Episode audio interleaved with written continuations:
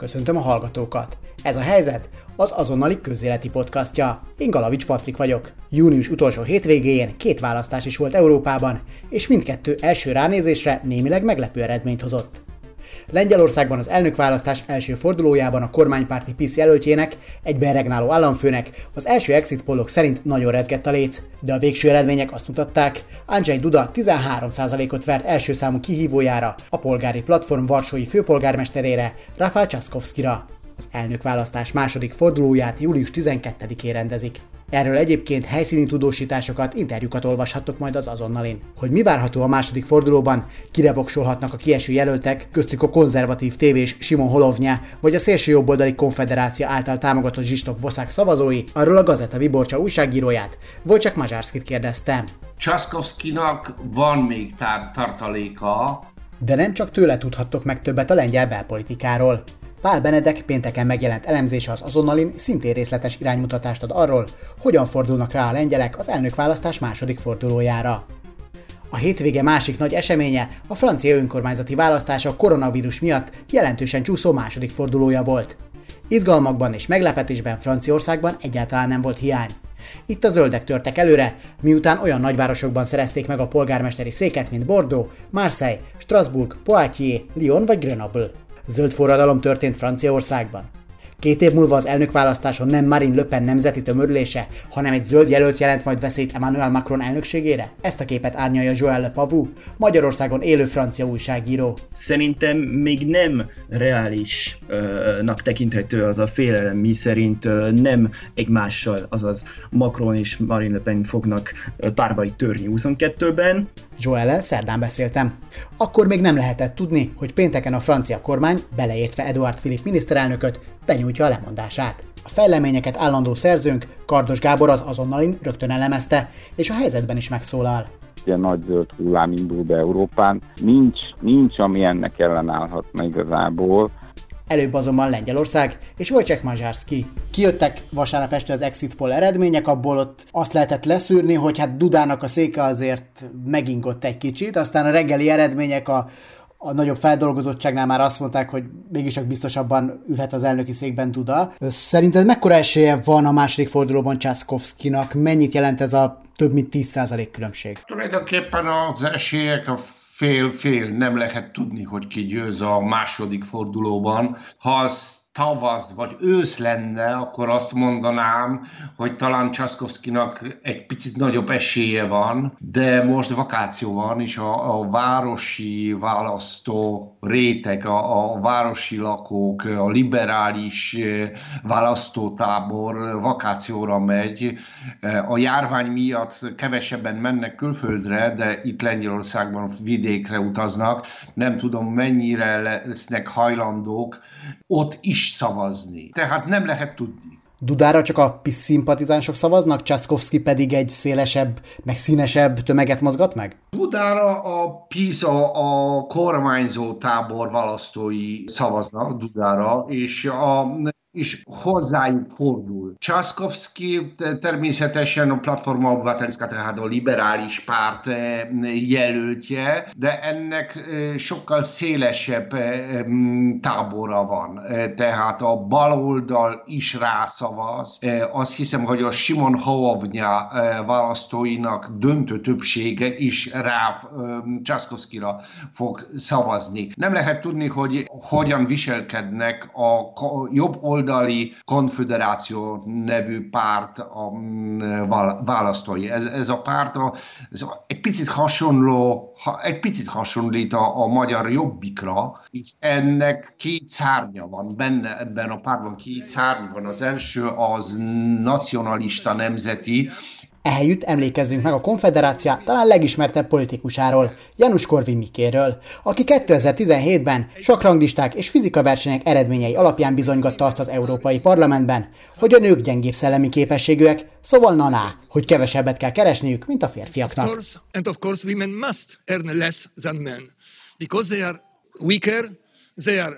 smaller, they are less intelligent, and they must earn less. És ezek az emberek biztosan nem fognak szavazni Csaszkowskira, inkább Dudára, vagy egyáltalán nem mennek szavazni. A másik szárny, ez ilyen prokapitalista, ilyen piaci, ultraliberális, ilyen Margaret Thatcher féle piaci közönség, és azt hiszem, hogy ők hajlandók lennének Csaszkowskira szavazni, azért, mert a Duda ilyen osztogató szociális politikát képvisel, ami nekik nem jó. Még visszatérünk a konfederáciára, mert velük kapcsolatban vannak azért még kérdéseim, de említetted Sima Holovnyát, aki talán meglepetés volt, hogy 14%-ot gyűjtött, és hát ez a 14% ez körülbelül pont annyi egyébként, amekkor a különbség most van Duda és Császkowski között. És azt mondtad, hogy, a, hogy Holovnya szavazói valószínűleg inkább Császkowskit fogják választani a második fordulóban. Ők lehetnek a, a mérleg nyelve, ők, ők dönthetik ezt el? Hát szerintem, a, csa,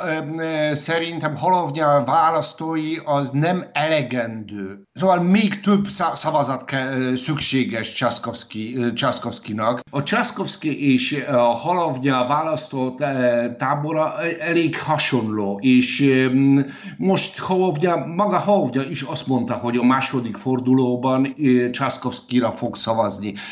Bár ő azt mondta, hogy ez nem azért szavaz így, mert támogatja Császkowskit, hanem inkább azért, hogy megakadályozza azt, hogy Duda legyen az államelnök. Mit jelenten a gyakorlatban az elnökváltás? Ennek, ennek nagyon gyakorlati jelentősége van, azért, mert eh, Duda nem eh, önálló politikus, és ez tulajdonképpen nem egy önálló tényező a lengyel politikában. Ő egy passzív végrehajtója annak, amit Kaczynski tervez.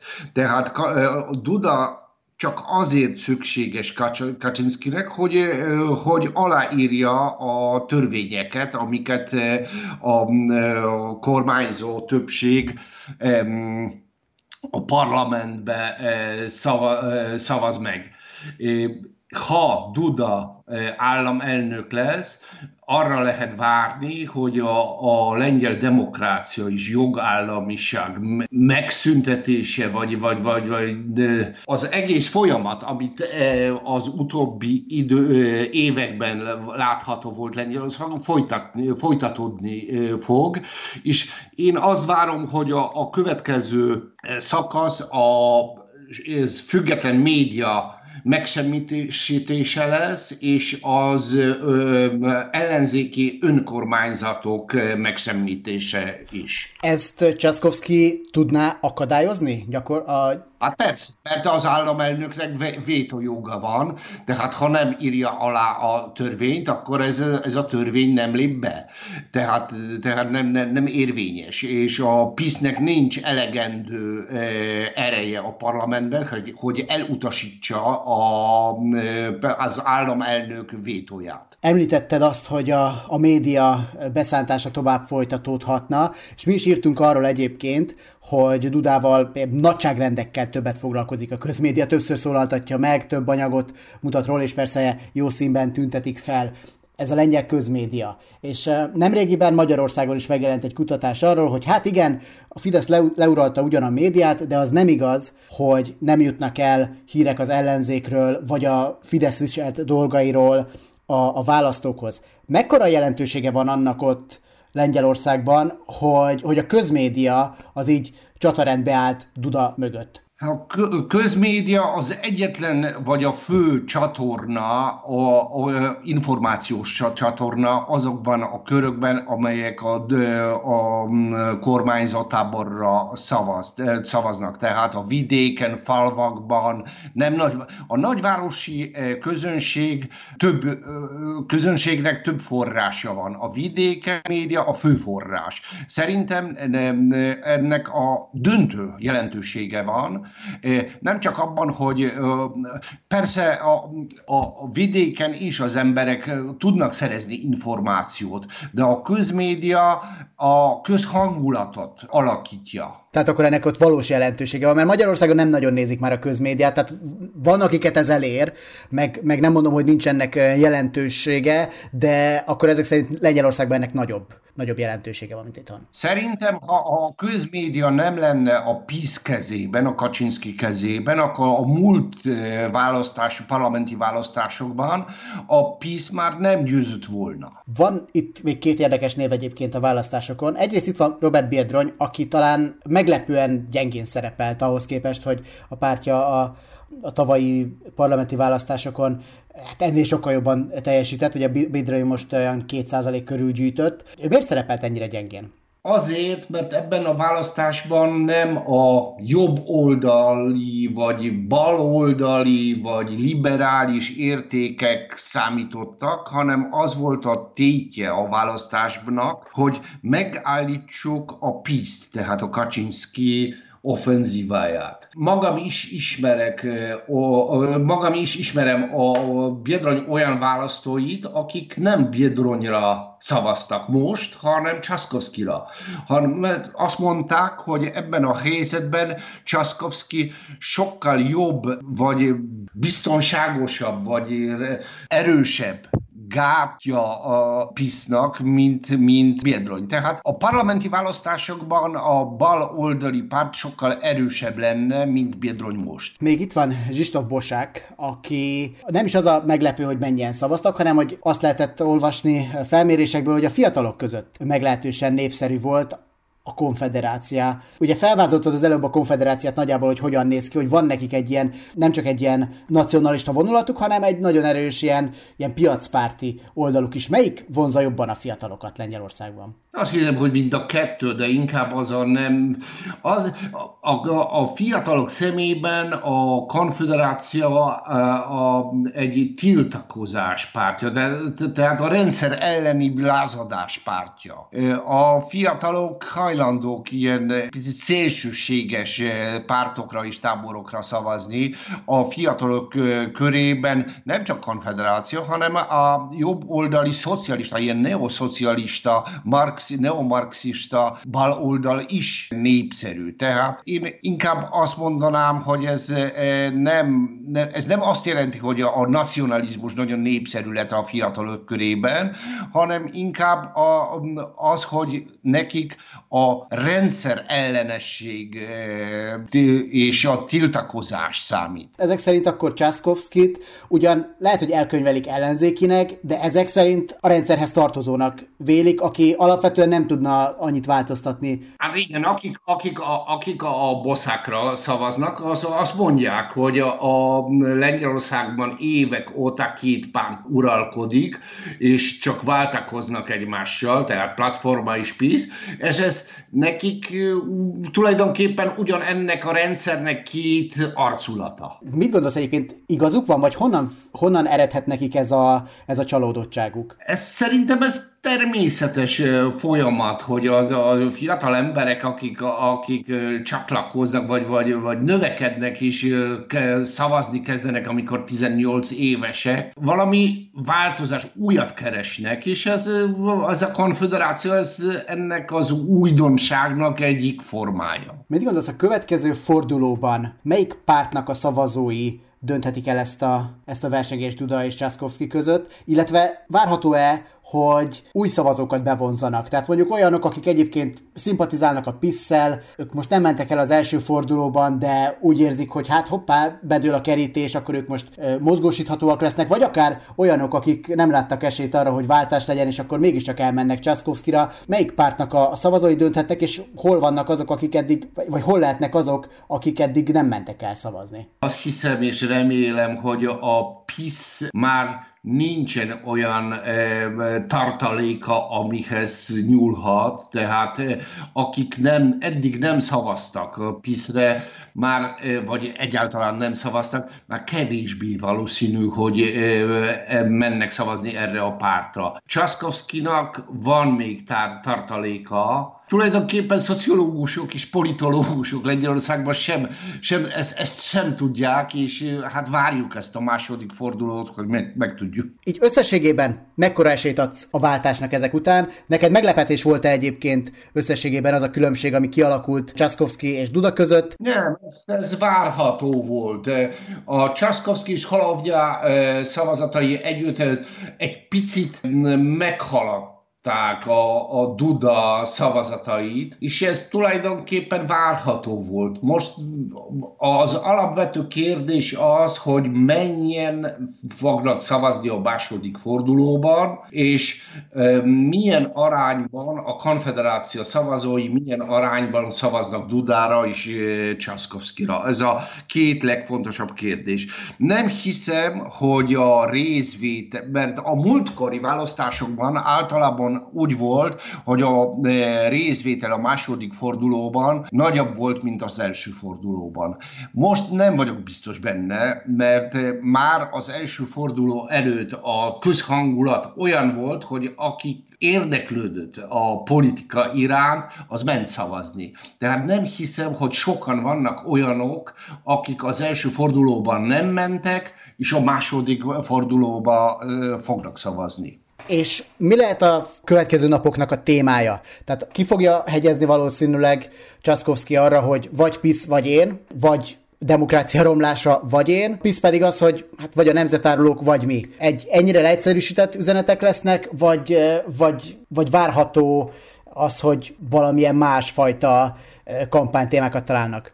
Mind a két fél most valami üzenetet próbál találni, amivel tud fordulni azokhoz, akik a, az első fordulóban vesztett jelöltekre szavaztak. Tehát és Császkowski is, és Duda is próbálnak beszélni a konfederáció, a Simon Halovnya választóihoz.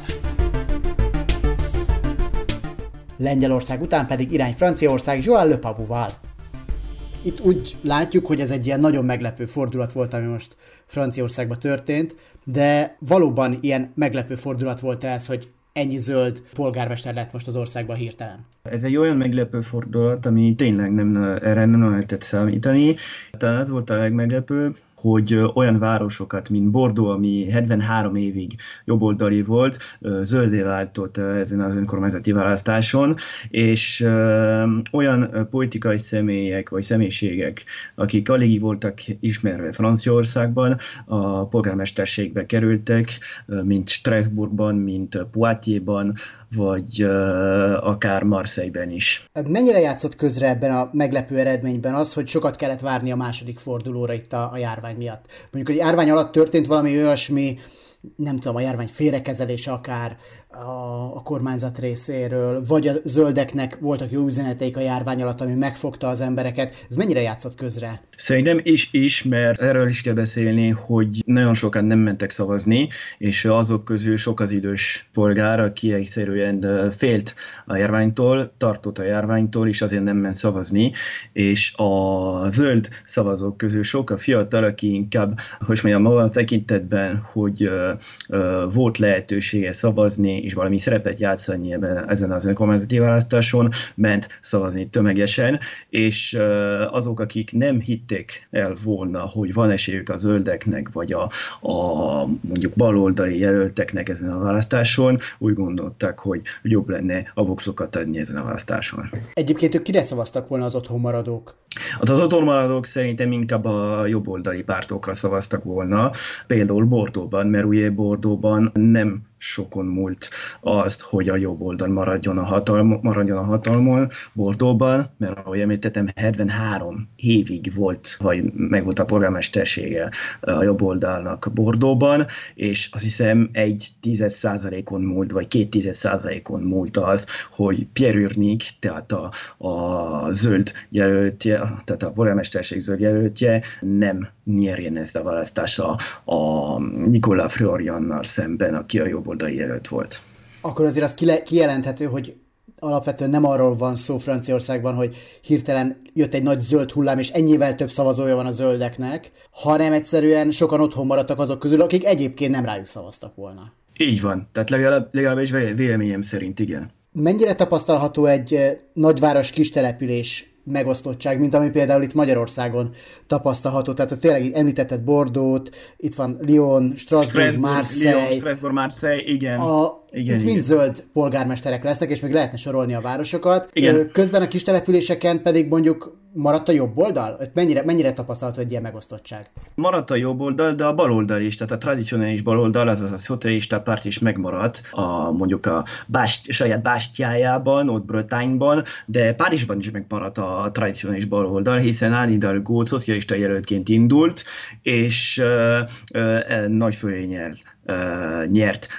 Párizsban, uh, Rashida Datival szemben, és Agnes Bizannel szemben, aki a makronista, azaz a, a hatalom jelöltje volt és szerintem azért megmaradtak nagy városok a jobboldal, a jobboldal számára, mert például Toulouse-ban elég nagy főnyer nyert Jean-Luc Moudenc, és ahogy említettem, tényleg Bretagne-ban azért megmaradt a, a bal oldal, de voltak olyan fordulatok a kisváros, a, a kis településeken is, hiszen Kármóban, ahol született Jean Jaurès, azaz a, a francia baloldal, vagy a szocializmus legnagyobb alakja, 134 év után elvesztett a szocialista párt ez a kis település. És voltak olyan fordulatok is, hogy a kommunistáknak voltak több városuk, volt több városuk, és például Arles, ami a legtágasabb francia település, tehát nem a legnagyobb, hanem a legtágasabb, azt is elvesztették több mint 20 év után egy volt tévés, tévés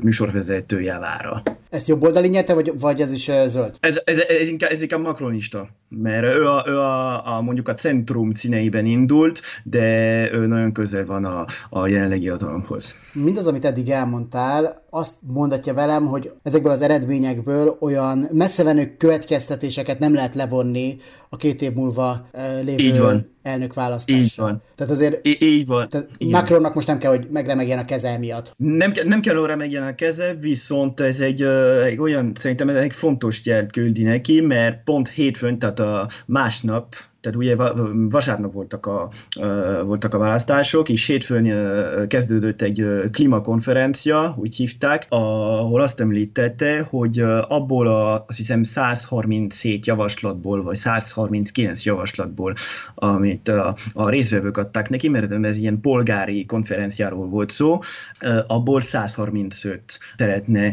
hogy, hogy törvény legyen, vagy legalábbis, hogy, hogy valami, valami eredmény legyen belőle, és abból a 135-ből sok a, sok a zöld, mondjuk a zöldbaráti, vagy a ökóbaráti javaslat, viszont volt egy olyan vita Franciaországban, ugye, a, hogy az autópályán lehet 130-szal menni, de a zöldek, és, illetve több baloldali partok az javasoltak, hogy csak 110-el menjenek az autósok az autópályákon, mert ez egy, környezetbaráti döntés lenne, és vagy környezetbarát döntés lenne, de ő azt egyértelműen elutasította, és szerintem nem, nem, nem, nem kell az, hogy politikára megyen a keze, de ő értette megértette szerintem az üzenet, és uh, nem azt mondom, hogy zöldé fog válni a Macron, mert ő nem ilyen, de szerintem neki kelleni fog egy olyan, hogy is mondjam, alkudozni mondjuk a zöldekkel, hogy a zöldek ne legyenek a, egy mondjuk baloldali koalíciónak a, a, az alakja, vagy legalábbis a vezetője 22-ben, mert uh, most azért Macronnak, ugyanúgy, mint Marine Le Pennek kell valami mumus, és a Macron mumusa az Marine Le Pen, miközben Marine Le Pennek a mumusa az Macron, és ők tényleg akarják, hogy párbaj legyen 22-ben, tehát nem, nem a zöldekkel, nem a baloldallal, hanem csak ők legyenek a választáson, és azért Marine Le Pen ugye nem, nem mondhatni, hogy nagy üzenet aratott a, a Rassemblement National, azaz az nemzeti tömörülés, viszont ő egy olyan népszavazásként tekinti ezt, a, ezt az önkormányzati választást, ugyanúgy, mint a zöldek. És akkor ez egyébként neki Marine Le Pennek egy kicsit előrelépés volt, nem? Ha nem is akkora, mint a zöldeknek, de neki is előrelépés volt ezek szerint a... Hát a Nemzeti Tömörülés elvesztett egy pár várost, azt is meg kell, erről is meg kell beszélni, viszont nyertek egy nagy város, azaz Perpignan, egy 100, fős, 100 ezer fős fölötti város a, a spanyol határ közelében, viszont az az, az érdekes a Perpignan, eseté, Perpignan esetében, hogy a volt férje, volt élettársa Louis nyert Perpignanban, de ő nem is hivatalosan a Nemzeti Tömörülés színeiben indult, hanem független jelöltként indult Perpignanban, és talán azt hozhatott neki több voxot is. Ezen a ponton pedig kapcsolódjon be Kardos Gábor, akit arról kérdeztem, mi következhet Franciaországban a kormány lemondása után. Ha van ember, akit nem lepett meg az, ami Franciaországban történt, az te vagy. De számítani lehetette arra, hogy ennyire gyorsan történik meg, és egyáltalán miért történt meg a, a francia kormánynak a lemondása? Macron már ö, rebesgette, hogy átalakítja a kormányt, illetve hát készül egy ilyen zöld politikai fordulatra, vagy annak a mímelésére inkább, egy ilyen kommunikációs fordulatra, részben ez szolgálta ugye a klímakonventnek is az, az összehívásának megtartása, de ugye arra azért vált ez a kormány bukásává ez a, ez a mostani helyzet, és a kormány átalakítás, mert közben egy óriási győzelmet arattak a zöldek a önkormányzati választásokon, gyakorlatilag az összes francia nagyváros vagy tisztán zöld vezetésű, vagy, vagy egy ilyen zöld-balos koalíció nyert. Úgyhogy ez, ezután ebben az optikában bármilyen kormányátalakítás ez tulajdonképpen már a korábbi politika kudarcát is jelentette volna, és a, egyébként nagyon népszerű a miniszterelnök, Eduard Philip, ő bukott tulajdonképpen ebbe bele, mert vele nem lehetett tovább vinni a korábbi politikát. Mire számítasz most? Tehát oké, okay, Macron megpróbál ezek szerint egy kicsit bezöldülni. A zöldeknek viszont akkor ez egy komoly feladat lesz, hogy ők meg tudják tartani a, a saját arcélüket. Mit gondolsz, hogy, hogy, hogy ebből a szempontból mi várható?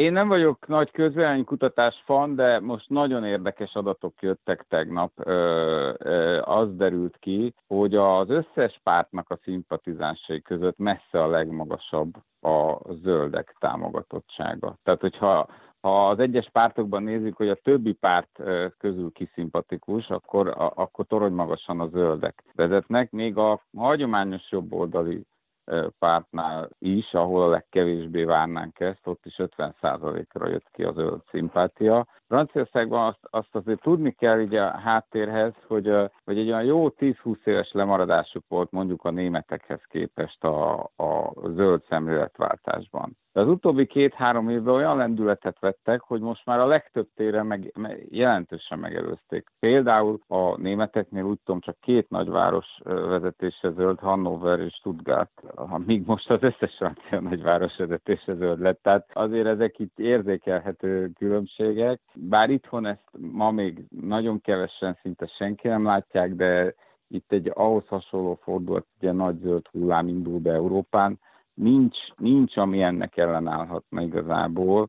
Nagyon érdekes, hogy, hogy milyen a... Tehát te arra számítasz, bocs, te arra számítasz egyébként, hogy ez nem, nem áll meg ez a hullám Franciaországban, hanem mondjuk tovább terjed Nyugat-Európában legalábbis biztosan. meg? Hát, hiszen tudjuk, hogy a, a, a mérésekből az látszik, hogy Németországban is már rég zöld kormány lenne, hogyha 34 év alatt, azt hiszem ott húzták meg a határt, 34 év alatti szavazóknál Európa két vezető országában már teljesen tarolnak a zöldek minden választáson. Teljesen mindegy, hogy milyen választás van, a zöldekre szavaznak a 34 alatt.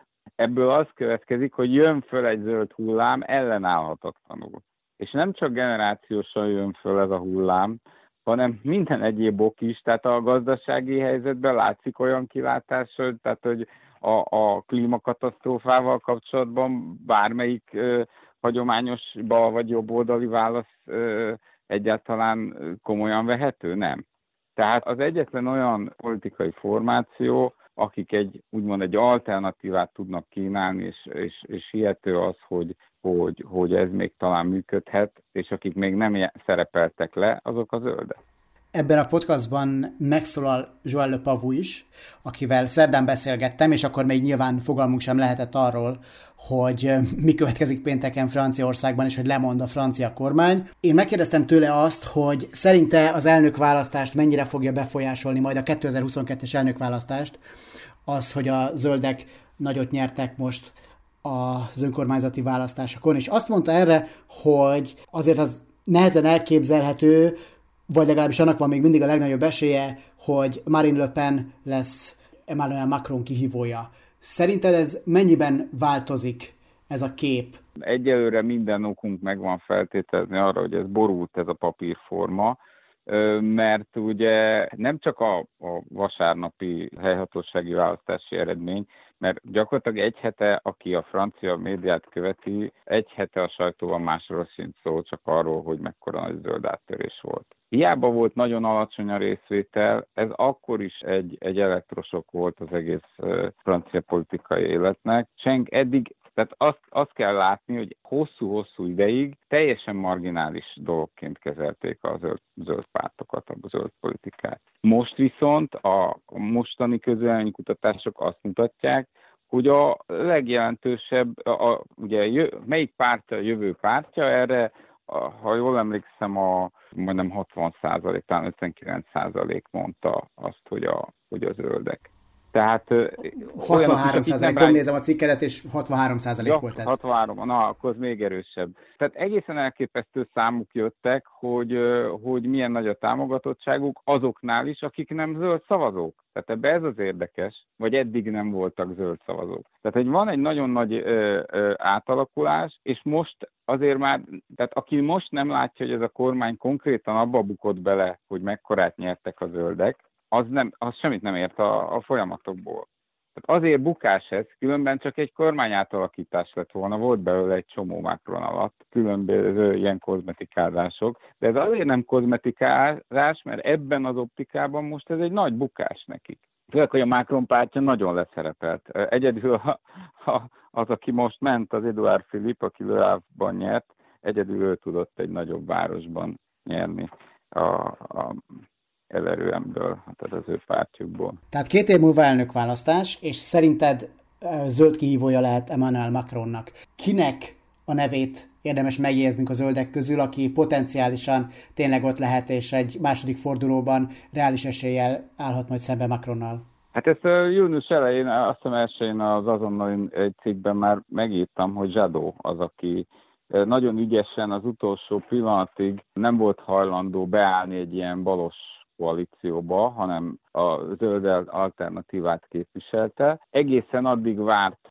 az összefogással, tehát a bal, egy széles baloldali összefogást indítottak el, aminek tulajdonképpen egyértelműen Zsadó lenne az elnök jelöltje, vagy a, a, a legfontosabb arca, és ez azért volt nagyon ügyes a részéről, mert megvárta azt a pillanatot, amikor már ő nem egy fegyverhordozó ebben az összefogásban, amikor már nem egy szocialista jelölt mellé áll ő, hanem amikor a zöldek a vezető ereje ennek a, ennek a baloldali összefogásnak. Na most, hogyha Macron végig akarja nyomni azt a nyugdíjreformját, amit tervez, meg tényleg most már lehet tudni, hogy ez a Jean Castex nevezték meg, mint miniszterelnököt, aki egy jobboldali arc, tehát továbbra is láthatóan Macron a jobb felé viszi a, a pártját. Tehát gyakorlatilag ő belebukott, nem, nem sikerült az, ami a fővállalása volt, hogy a bal-jobb rendszeren túl mutató alternatívát kínál, egy részben generációs váltást és szemléletváltást. Ez most kinek sikerülhet Zsadónak? Tehát, hogy ami Macronnak nem sikerült, azt kezdheti el képviselni most tulajdonképpen Zsadó, hogy, hogy a megbukott bal-jobb izé, Coca-Cola, Pepsi-Cola rendszer után valódi alternatívát kéne képviselni, és ez most az zöldek lehetősége. Már teljesen felélte szerintem Macron a bizalmi tőkét. Egyedül azzal nyerhetett volna újra, ha Marine Le Pen az ellenfele, de Marine Le Pen egyáltalán nem szerepelt jól a, a, a pártja a, a választásokon most. Ugye egyedül Perpinyant sikerült elhódítania egy vezető politikusuknak, ami nem egy nagy, tehát semmiképpen se volt áttörés, és nincs dinamikája a, a, a szélsőjobbnak most Franciaországban, tehát abszolút stagnálnak, és nem tudták az elég, társadalmi elégedetlenséget abszolút nem tudták politikai tőkévé kovácsolni. Azóta az is kiderült, hogy Franciaország új miniszterelnöke a jobboldali Jean Castex lesz, aki egyben a spanyol határ melletti Prát polgármestere. Joan Le Pavu szerint szinte a semmiből választhatták az egykor Nikolás Sárközivel is jó viszonyt ápoló polgármestert, bár az igaz, hogy az utóbbi hónapokban ismert lett, mert az ő nevéhez kötik a koronavírus járvány utáni újranyitás stratégiájának kidolgozását. Politikája leginkább liberális polgáriként írható le. Joan Le Pavu szerint tehát ezen a téren legalábbis Emmanuel Macron nem kezd zöld fordulatba. Kardos Gáborra reagálva a francia újságíró azt mondja, Ő a kormányváltás ellenére is reálisabbnak tartja a forgatókönyvet, amely szerint Macron kihívója az elnökválasztáson Marine Le Pen lesz. Térjünk is vissza Joelhez. Mennyire rajzolják át ezek az eredmények a francia politikai térképet? Abban az értelemben, hogy most nyilván a zöldek megnyertek egy csomó várost, ahol bizonyíthatnak, hogy ők ezeket tudják jól vezetni, és esetleg meggyőzhetnek új szavazókat is. Mit gondolsz, hogy kik azok a politikusaik, akikre érdemes lehet figyelni, és akik esetleg a 2022-es elnökválasztáson is majd egy ilyen meghatározó szerepet vihetnek, ha nem is jelöltként, de, de mondjuk a kampányban? Tehát én egyértelműen említeném Yannick Jadot, aki a zöldek vezetője, és ő tehát mindenféleképpen szerepet akar játszani 22-ben, az már látszik egyértelműen Franciaországban, és azokra a jelöltekre, vagy új polgármesterekre fókuszálnám, akik, akik nyertek a nagyvárosokban. Tehát például Pierre Nick Bordeauxban, Michel Rubiróra Marseille-ben, vagy akár Eric Piol, aki, hogy is mondjam, hivatalosan nem is, nem is zöldnek tekinti magad, de mégis zöld politikát vezet Grenoble-ban, aki egy példavárosa váltott a, a, az utóbbi években, és szerintem azok, azok közül van lesznek olyanok, akik szerepet tudnak játszani egy, mondhatjuk egy zöld baloldali, vagy egy zöld, zöldekkel vezetett baloldali koalícióban 22-ben, és azért talán érdekes, vagy érdemes Anne Hidalgo-ra figyelni, mert végül is sokat szeretik Párizsban Anne Hidalgo-t és a politikáját, és lehet, hogy, hogy a zöldeknek értelme lenne ilyen koalíciót alakítani a Nidalgóval, az az a szocialistákkal de mondhatjuk inkább az városi szocialistákkal, mint a vidéki szocialistákkal. Ezek szerint közös félelme úgymond Macronnak és Le Pennek, hogy ők nem együtt fognak majd, vagy egymás ellen fognak majd megmérkőzni 2022-ben. Mennyire reális ez a félelem, és milyen stratégiát követhetnek a, a zöldek, hogy, hogy ezt elérjék, hogy mondjuk ők állítsanak majd jelöltet végül is egy, egy elnökválasztási második fordulóra, és ne, ne mondjuk Löpen legyen az, aki kihívja Macront. Szerintem arra kell figyelni elsősorban, hogy, hogy konkrétan mi lesz először, vagy mik lesznek a, a koronavírus utáni válságnak a következményei, tekintettel arra, hogy inkább októberben vagy novemberben fognak látszódni ezeket a következményeket, és azért például én nem nagyon értek egyet azzal a, az állítással, amit a Kárdó, Kardos Gábort, ha minden igaz, ért az azonnali.hu-n, mi szerint a zöldek a, a sárgaményes mozgal, mondjuk a politikai nyertesek ugye a sárgaményes mozgalmának és mert, mert szerintem a sárgaményesek nem nagyon mennek szavazni, és ha szavaznának, akkor inkább a radikális pártokra szavaznának, azaz Jean-Luc Mélenchonra, tehát a La France Soumise-ra, a radikális baloldalra, vagy inkább a radikális jobboldalra, azaz Marine Le Penre. És szerintem Marine Le Pen nem, nem vesztette el még a, a, a meccset, a mérkőzést, a, a hogy is mondjam, a sárgaményesek, a sárgaményesek hogy is mondjam, Voxot nyeresében, mert, mert lehet, hogy azok egy egyértelmű üzenetet uh, fognak küldeni uh, Marine Le Penre szavazva 22-ben. Tehát szerintem még nem reálisnak tekinthető az a félelem, mi szerint nem egymással, azaz Macron és Marine Le Pen fognak párbajt törni 22-ben, viszont figyelniük, figyelniük kell arra, hogy hogyan fognak a, mondjuk a makronista polgármesterek, azaz Edouard Philippe, mert ugye Edouard Philippe nyert Le Havre-ban, a miniszterelnök, és a makronisták szerint ez már nagy győzelemnek tekinthető, mert sikerült megtartani a, tehát Edward Philipnak megtartani a saját városát, ami egyébként a jobboldali színeiben nyert. Tehát szerintem a makronisták azért nagyon figyelniük kell erre, hogy, hogy hogyan fognak feljönni a zöldek, illetve a baloldal, de inkább a zöldek a 22-es választás tükrében, mert, mert lát, tehát azzal az indokkal, vagy magyaráznak a, hogy is mondjam, a bukásukat, hogy az a Mars, tehát a makronista párt, még egy fiatal párt is nem volt ideje vidéken mondjuk szaporodni, úgymond, de szerintem ez kevés, mert, mert éppen vidéken fog, a vidéken fog múlni szerintem a választás 22-ben, és nem, a, nem csak a nagyvárosokon. És az szerintem egyszerre fontos Marine Le Pen, illetve Emmanuel Macron számára, hogy dolgozzanak vidéken, illetve a nagyvárosokban is, de inkább vidéken, ahol, ahol kevesen szavaznak Macronra, és talán kevesen is szavaznának Marine Le Penre, mert még félelmet kelt Marine Le Pen sok szavazó közül, mert sokan azt gondolják, hogy ha Marine Le Pen kerülne a hatalomra, akkor tulajdonképpen a vagy a fasizmus, vagy a nazizmus visszatérése, vagy legalábbis a Vichy kormány visszatérése jelentene. Ez volt ezen a héten a helyzet. Ne felejtsetek el feliratkozni Spotify-on, a Google Podcast felületén és iTunes-on, ahol értékelni is tudjátok a podcastot. Valamint kövessétek az azonnal itt Facebookon, YouTube-on és Instagramon, illetve iratkozzatok fel hírlevelünkre, a reggeli feketére. Az én oldalamat is megtaláljátok Facebookon, ahol örömmel veszem az üzenetben küldött témajavaslataitokat. Galavics Patrikot hallottátok, a figyelmeteket megköszönve búcsúzom, a viszonthallásra!